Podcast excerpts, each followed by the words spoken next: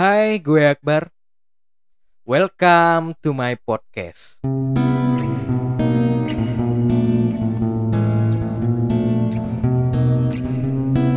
Di kesempatan kali ini gue ingin membahas mengenai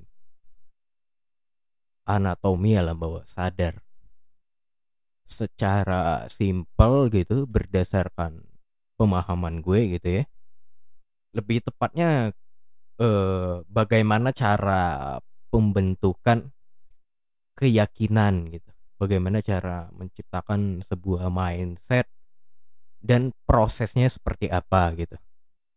Dan menjelaskan mengenai apa itu mindset gitu. Dengan kalimat-kalimat yang mungkin sederhana gitu ya. Gue akan berusaha menyederhanakannya. Jadi kalau kita bicara soal keyakinan kita akan bicara alam bawah sadar karena alam bawah sadar adalah semacam wadah gitu ya. Wadah dari program program-program pikiran itu berada gitu. Gue analogikan seperti komputer.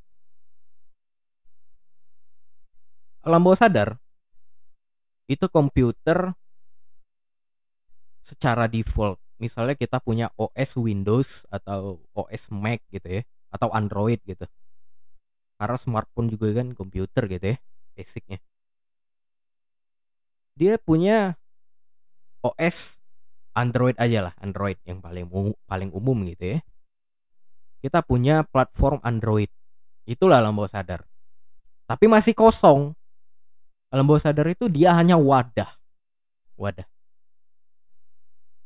nah jadi sedangkan mindset mindset itu adalah aplikasinya misalnya kayak Instagram, Facebook, YouTube, apa segala macem gitu kan. Dan aplikasi itu dia berfungsi untuk melakukan sebuah proses yang kita inginkan. Misalnya, kita mau nonton video masak eh, video tutorial masak-masak, video tutorial gitar gitu. Atau apalah, pokoknya berkaitan tentang video dan hiburan gitu ya. Misalnya kita mencari sebuah hiburan tertentu kita harus punya aplikasinya dong. Kita harus punya YouTube dong. Kalau kita nggak punya YouTube bagaimana kita mau nontonnya gitu? Nah kan di situ. Itulah fungsinya dari mindset. Mindset itu ya kayak aplikasi itu tadi. Misalnya kita mau uh, posting foto gitu, mau pamer-pamer foto gitu kan. Itu kan wadahnya di Instagram atau di sosial media macam-macam gitu kayak Facebook, apalah, Twitter kayak apa segala macam gitu ya. Tapi kalau kita tidak punya aplikasinya, kita tidak akan bisa melakukannya gitu lah. Dan kadangkala uh, aplikasi-aplikasi ini atau mindset-mindset ini dia tidak selaras dengan apa yang kita inginkan gitu. Misalnya ya kayak itu tadi kita mau nonton video tapi yang kita punya cuma aplikasi Netflix gitu. Ya kita cuma bisa nonton film gitu. Mau kita cari gitu sampai kiamat gitu ya video tutorial masak gitu nggak ada di sana. Yang ada hanya film gitu di sana. Kita harus punya YouTube buat nontonnya. Begitu juga sebaliknya gitu YouTube juga nggak nggak bisa menyediakan film gitu karena di YouTube kan di ban ya film ya. Nah kita harus punya aplikasi yang ya nonton film kayak Netflix, apalah iFlix lah atau apa gitu pokoknya yang gitu-gitu kita harus punya gitu. Itulah kenapa ada statement gitu ya dari ranah dunia psikologi yang menentukan kehidupan kita itu 95 persennya adalah alam bawah sadar Ya karena dia yang men menyediakan aplikasi itu.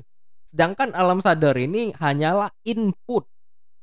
Input untuk menginstal aplikasi itu, mindset itu gitu lah. Dan dia yang menjadi pengontrol gitu. Kalau dia mengetahui gitu ya, balik lagi ya. Kalau dia bisa menemukan jalur antara alam sadar dan alam bawah sadar karena dia ketika dalam keadaan seperti ini dia kayak terpisah gitu. Seolah tidak terhubung jalurnya nggak kelihatan. Karena kita nggak tahu jembatannya apa dan bagaimana cara melewati jembatannya dan apa yang harus kita lakukan di alam bawah sadar itu.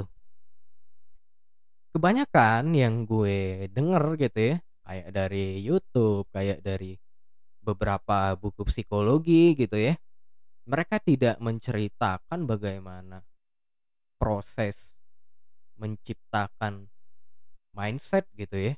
Adalah beberapa tapi tidak secara konkret gitu. Mereka hanya membahas mengenai afirmasi repetisi gitu ya.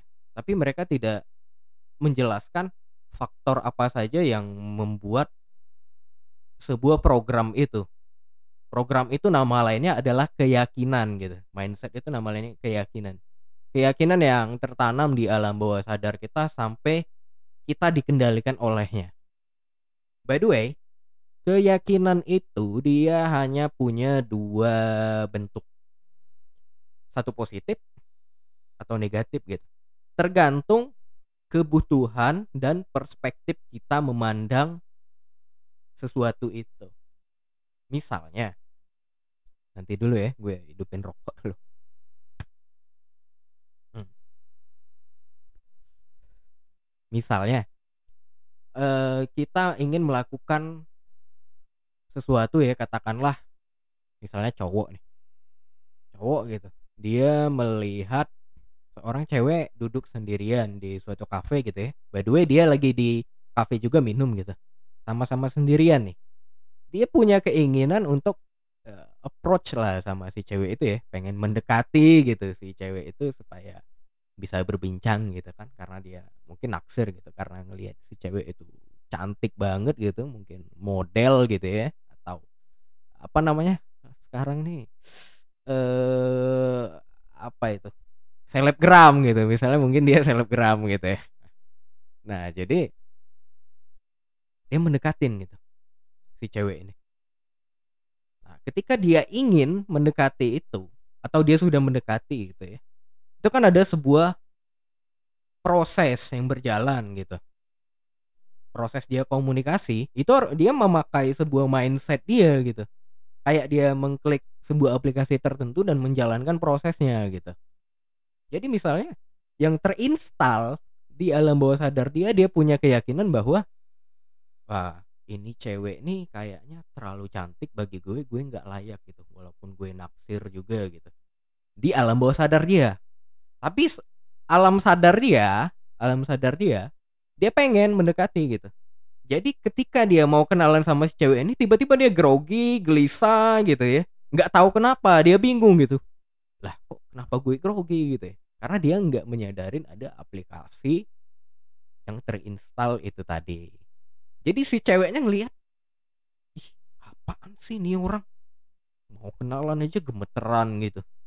Belum lagi nanti gue ajak jalan gitu. Misalnya si cewek berpikirnya seperti itu gitu kan.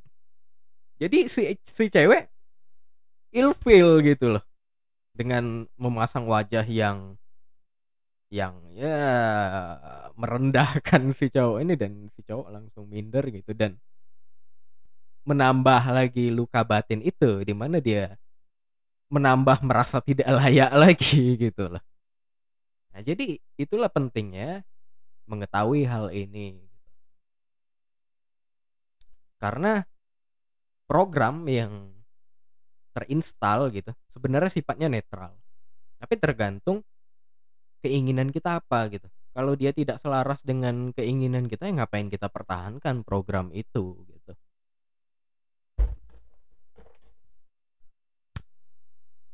hmm. By the way uh,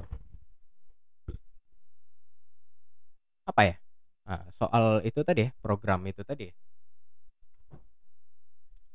jadi ya seperti itu tadi contohnya. Kita harus bisa mengetahui gitu. Program apa yang terinstal dan apa yang kita inginkan gitu ya dalam hidup ini. Jadi sebelum kita masuk ke sana gitu ya, menggali apa programnya gitu. Gue mau ngejelasin dulu sebuah program eh, sebuah proses terciptanya sebuah keyakinan atau sebuah mindset atau sebuah program pikiran itu. Jadi prosesnya hanya hanya ada melibatkan dua hal gitu dan ini sangat sederhana sebetulnya. Yang pertama adalah informasi yang diserap dari panca indera. Itu yang pertama. Dan yang kedua adalah emosi atau perasaan. Tergantung ininya ya, semakin gede perasaan itu semakin dia tertanam di alam bawah sadar. Semakin dia dahsyat perasaannya semakin dia eh, tertancap ke palung alam bawah sadar itu gitu. Jadi semakin ya gitulah. Intinya di kayak powernya itu ya power katakanlah akarnya gitu ya. Akarnya itu adalah kesadaran gitu. Kalau di pohon gitu ya semakin gede eh, eh kesadaran tadi. Perasaan perasaan. Akarnya itu adalah perasaan gitu ya kalau kita analogikan sebagai pohon. Ketika perasaan yang dilibatkan semakin besar yang bertemu sebuah informasi pencerapan panca indera itu akarnya semakin kokoh gitu. Dan proses untuk mengikisnya itu butuh proses yang lama gitu. Ketimbang pohon yang kecil-kecil gitu ya. Seperti itulah. Jadi bagaimana itu? Maksudnya realisasinya dalam kehidupan nyata gitu. Nah jadi seperti ini. Yang pertama gue jelasin mengenai informasi yang diserap oleh panca indera itu adalah ya pengalaman hidup kita. Misalnya, gue kasih beberapa contoh ya biar jelas gitu ya. Ketika kita melihat sebuah kejadian gitu. Misalnya di depan mata kita ada orang kecelakaan misalnya. Kecelakaan motor gitu ya. Atau kita lah, kita lah yang mengalami kecelakaan.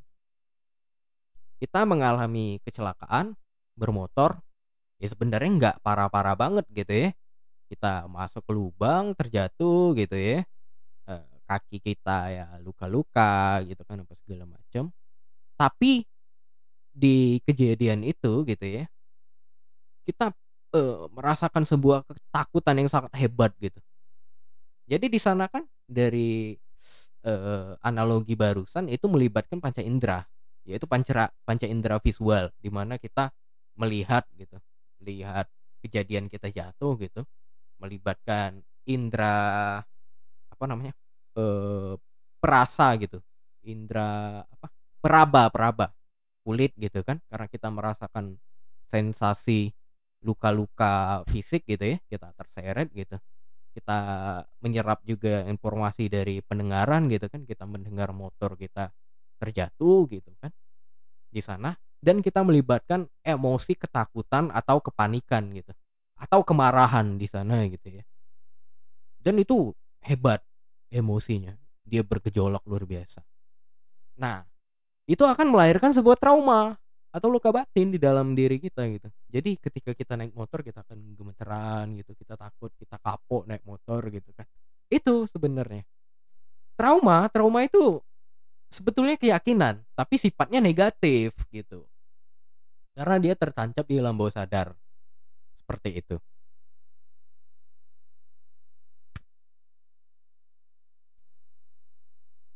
Jadi semakin banyak panca panca indera yang dilibatkan, maka semakin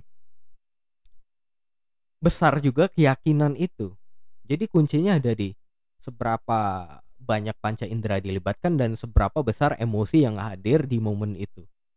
Dia akan masuk ke alam bawah sadar gitu. Nah, terus juga misalnya gue kasih contoh yang uh, sering terjadi sehari-hari lah ya. Misalnya ada sebuah informasi gitu ya kayak pilpres kemarin lah. Kan ada dua calon deh dan saling menyebarkan hoax saat itu perang hoax gitu kan. Ya, mungkin dari eh, sebagian dari kita gitu punya fanatisme terhadap satu sosok calon presiden tertentu ya saat itu ya misalnya. Jadi ketika mendengar hoax itu mengenai uh, calon yang kita yakini itu ya calon yang kita pilih gitu ya kita terpengaruh gitu. Itu ada ada misalnya menjelekkan satu tokoh gitu ya.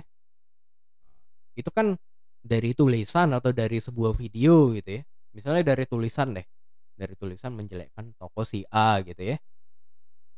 Yang menjelekkan itu itu indera yang di, di, di dipakai adalah indera visual gitu kan.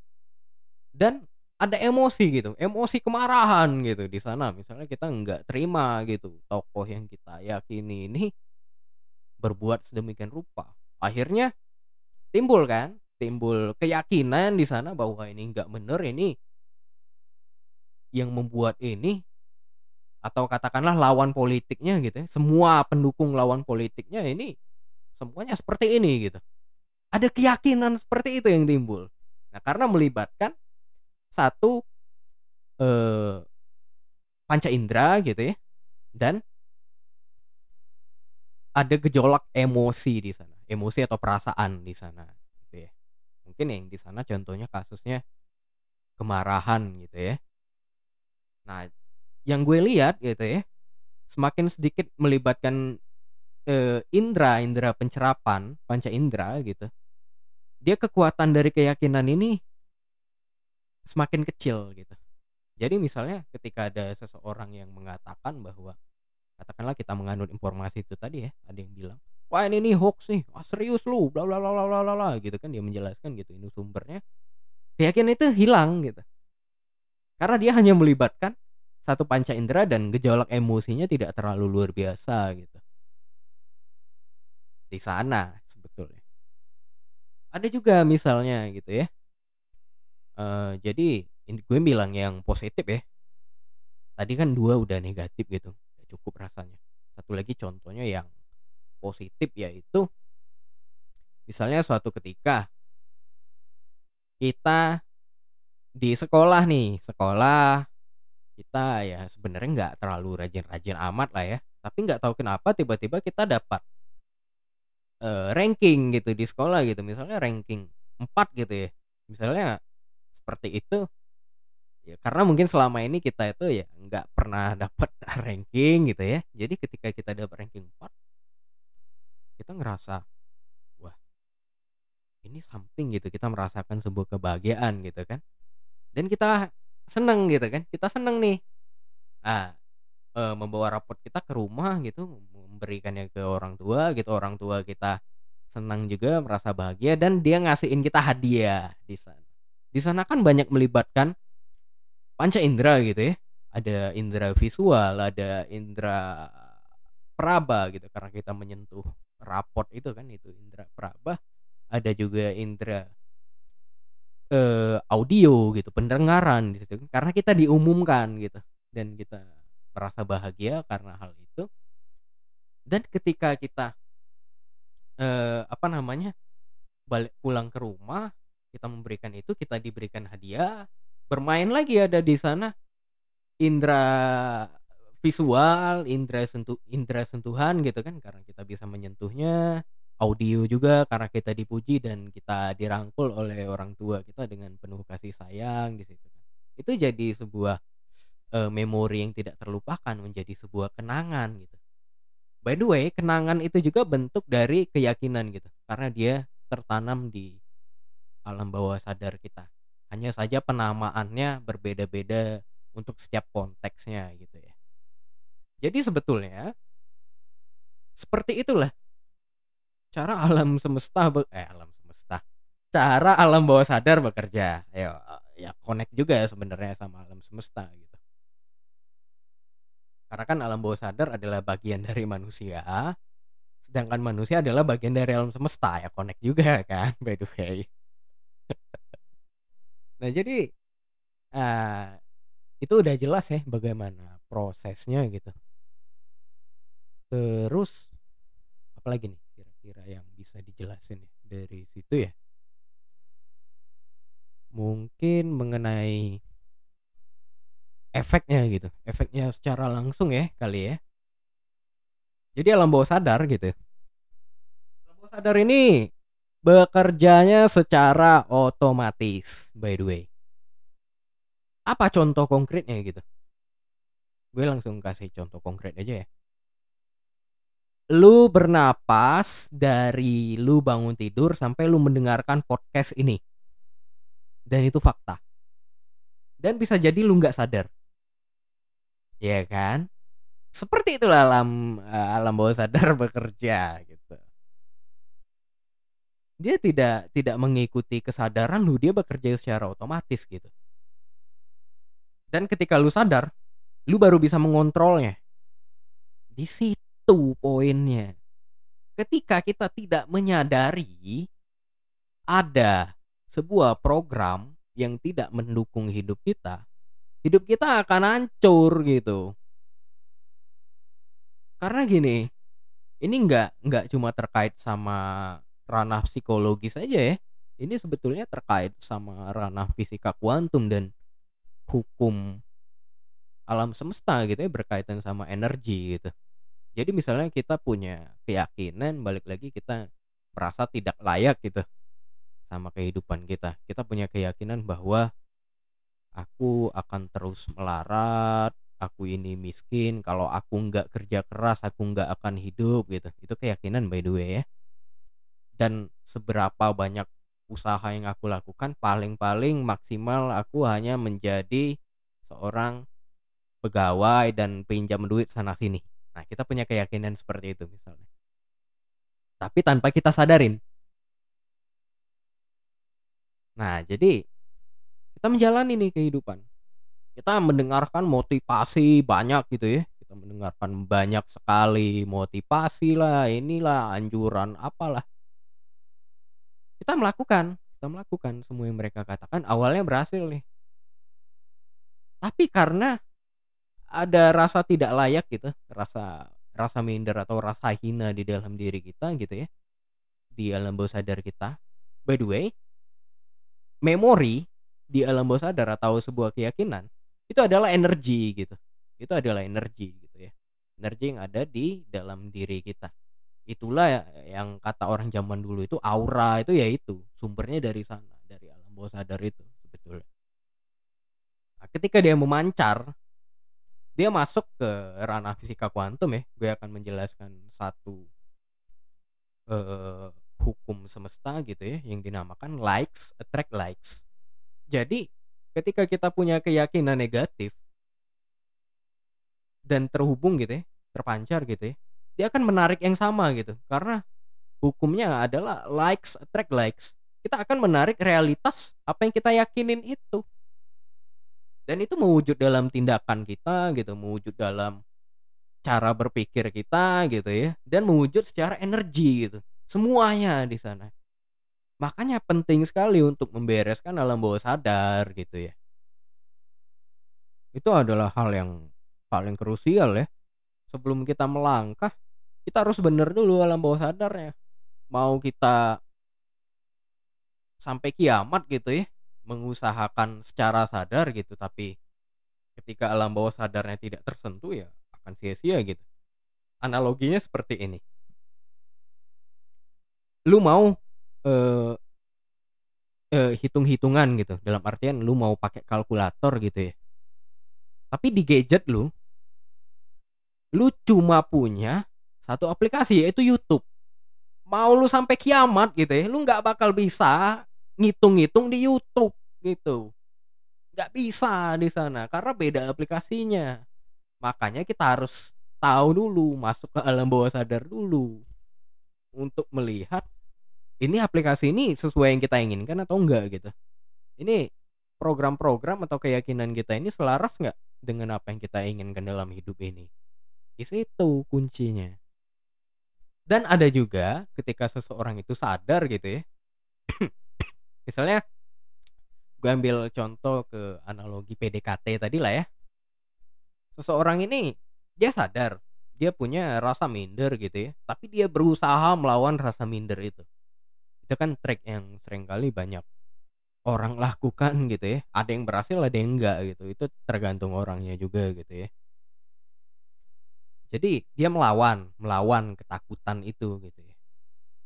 Ada yang nambah gugup gitu ketika dia mendekati cewek gitu karena dia merasa tidak layak gitu ya ada keyakinan itu. Dia gugup semua cewek jadi wah ilfil lah sama dia bahkan jijik gitu ih ini orang aneh banget gitu mungkin ya kali ya. Nah. tapi dia sadar gitu ada rasa minder itu. Dan dia tidak berdaya. Bagaimana cara memperbaikinya jadi ada dua bentuk gitu. Ada yang beroperasi memang benar-benar secara otomatis. Ada yang dia beroperasi di kesadaran gitu ya. Kita sadar hal itu tapi kita nggak bisa apa-apa kita nggak berdaya gitu.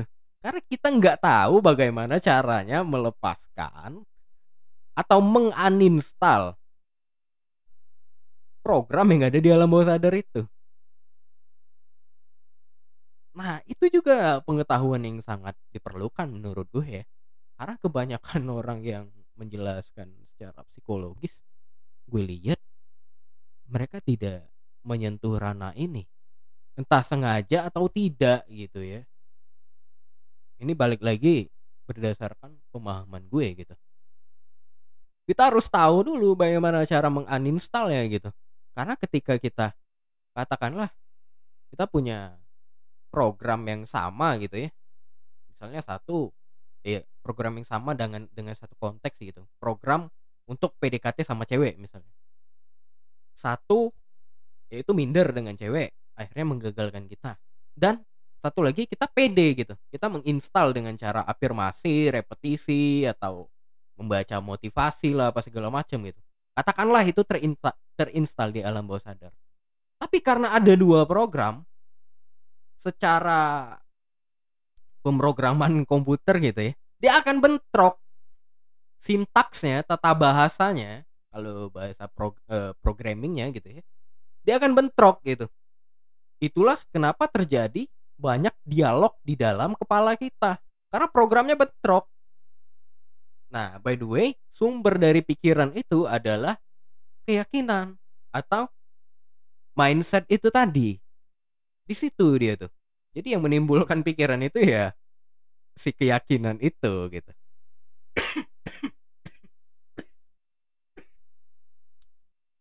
Nah nah jadi ketika kita udah selaras gitu ya eh, selaras antara program pikiran dan apa yang kita inginkan itu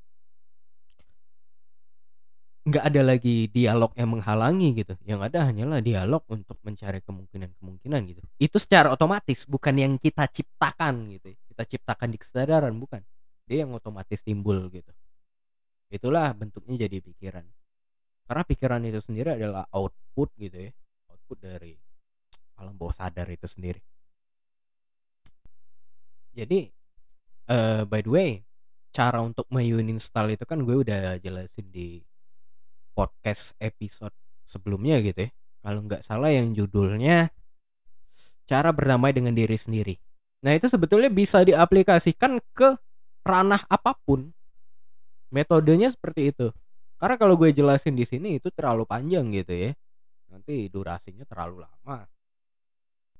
Jadi kira-kira seperti itulah fungsi dari eh fungsi dari alam bawah sadar itu gitu ya dan terkait dengan seberapa besar efeknya dalam hidup gitu. Jadi program itu kan ya dia sering kali terinstal secara otomatis karena kita tanpa sadar melakukan proses itu tadi gitu ya yang penggabungan antara pencerapan panca indera dan sebuah gejolak emosi gitu ya. Itulah timbul keyakinan di sana. Makanya dengan sebuah statement itu tadi ya mungkin rumusan ya rumusan keyakinan itu tadi ada beberapa pakar eh, psikolog gitu psikolog spiritualis saintis yang kebetulan berada di ranah fisika kuantum juga gitu ya dia menemukan sebuah metode untuk menciptakan realitas gitu. Eh, namanya itu bukunya itu The Secret kalau nggak salah. Sama ya metodenya itu ya law of attraction gitu. Ya kira-kira seperti itu. Kalau tertarik kalian cari aja sendiri mengenai law of attraction gitu ya. Karena gue nggak eh nantilah mungkin ya gue akan menjelaskan itu secara simpel ya. Tapi nggak nggak sekarang mungkin ya. Karena topiknya harus ada harus ada ini dulu pemahaman-pemahaman yang diketahui dulu. Karena kalau gue langsung hajar ke arah sana itu nggak bisa gitu. Kayak kesannya dia lompat-lompatnya itu terlalu jauh. Karena orang belum punya komposisi untuk memahami hal itu dulu ya. Ya mengenai energi mengenai banyak hal gitu mengenai fisika kuantum dan korelasinya ke arah dunia psikologis tentunya ya. Ya kira-kira seperti itulah. Nanti gue akan menjelaskan gitu ya mungkin di episode selanjutnya mengenai anatomi ego. Apa itu maksudnya? Nantikan aja ya. Ini semakin ke sini semakin seru loh by the way topiknya. Ini opini gue see you di episode selanjutnya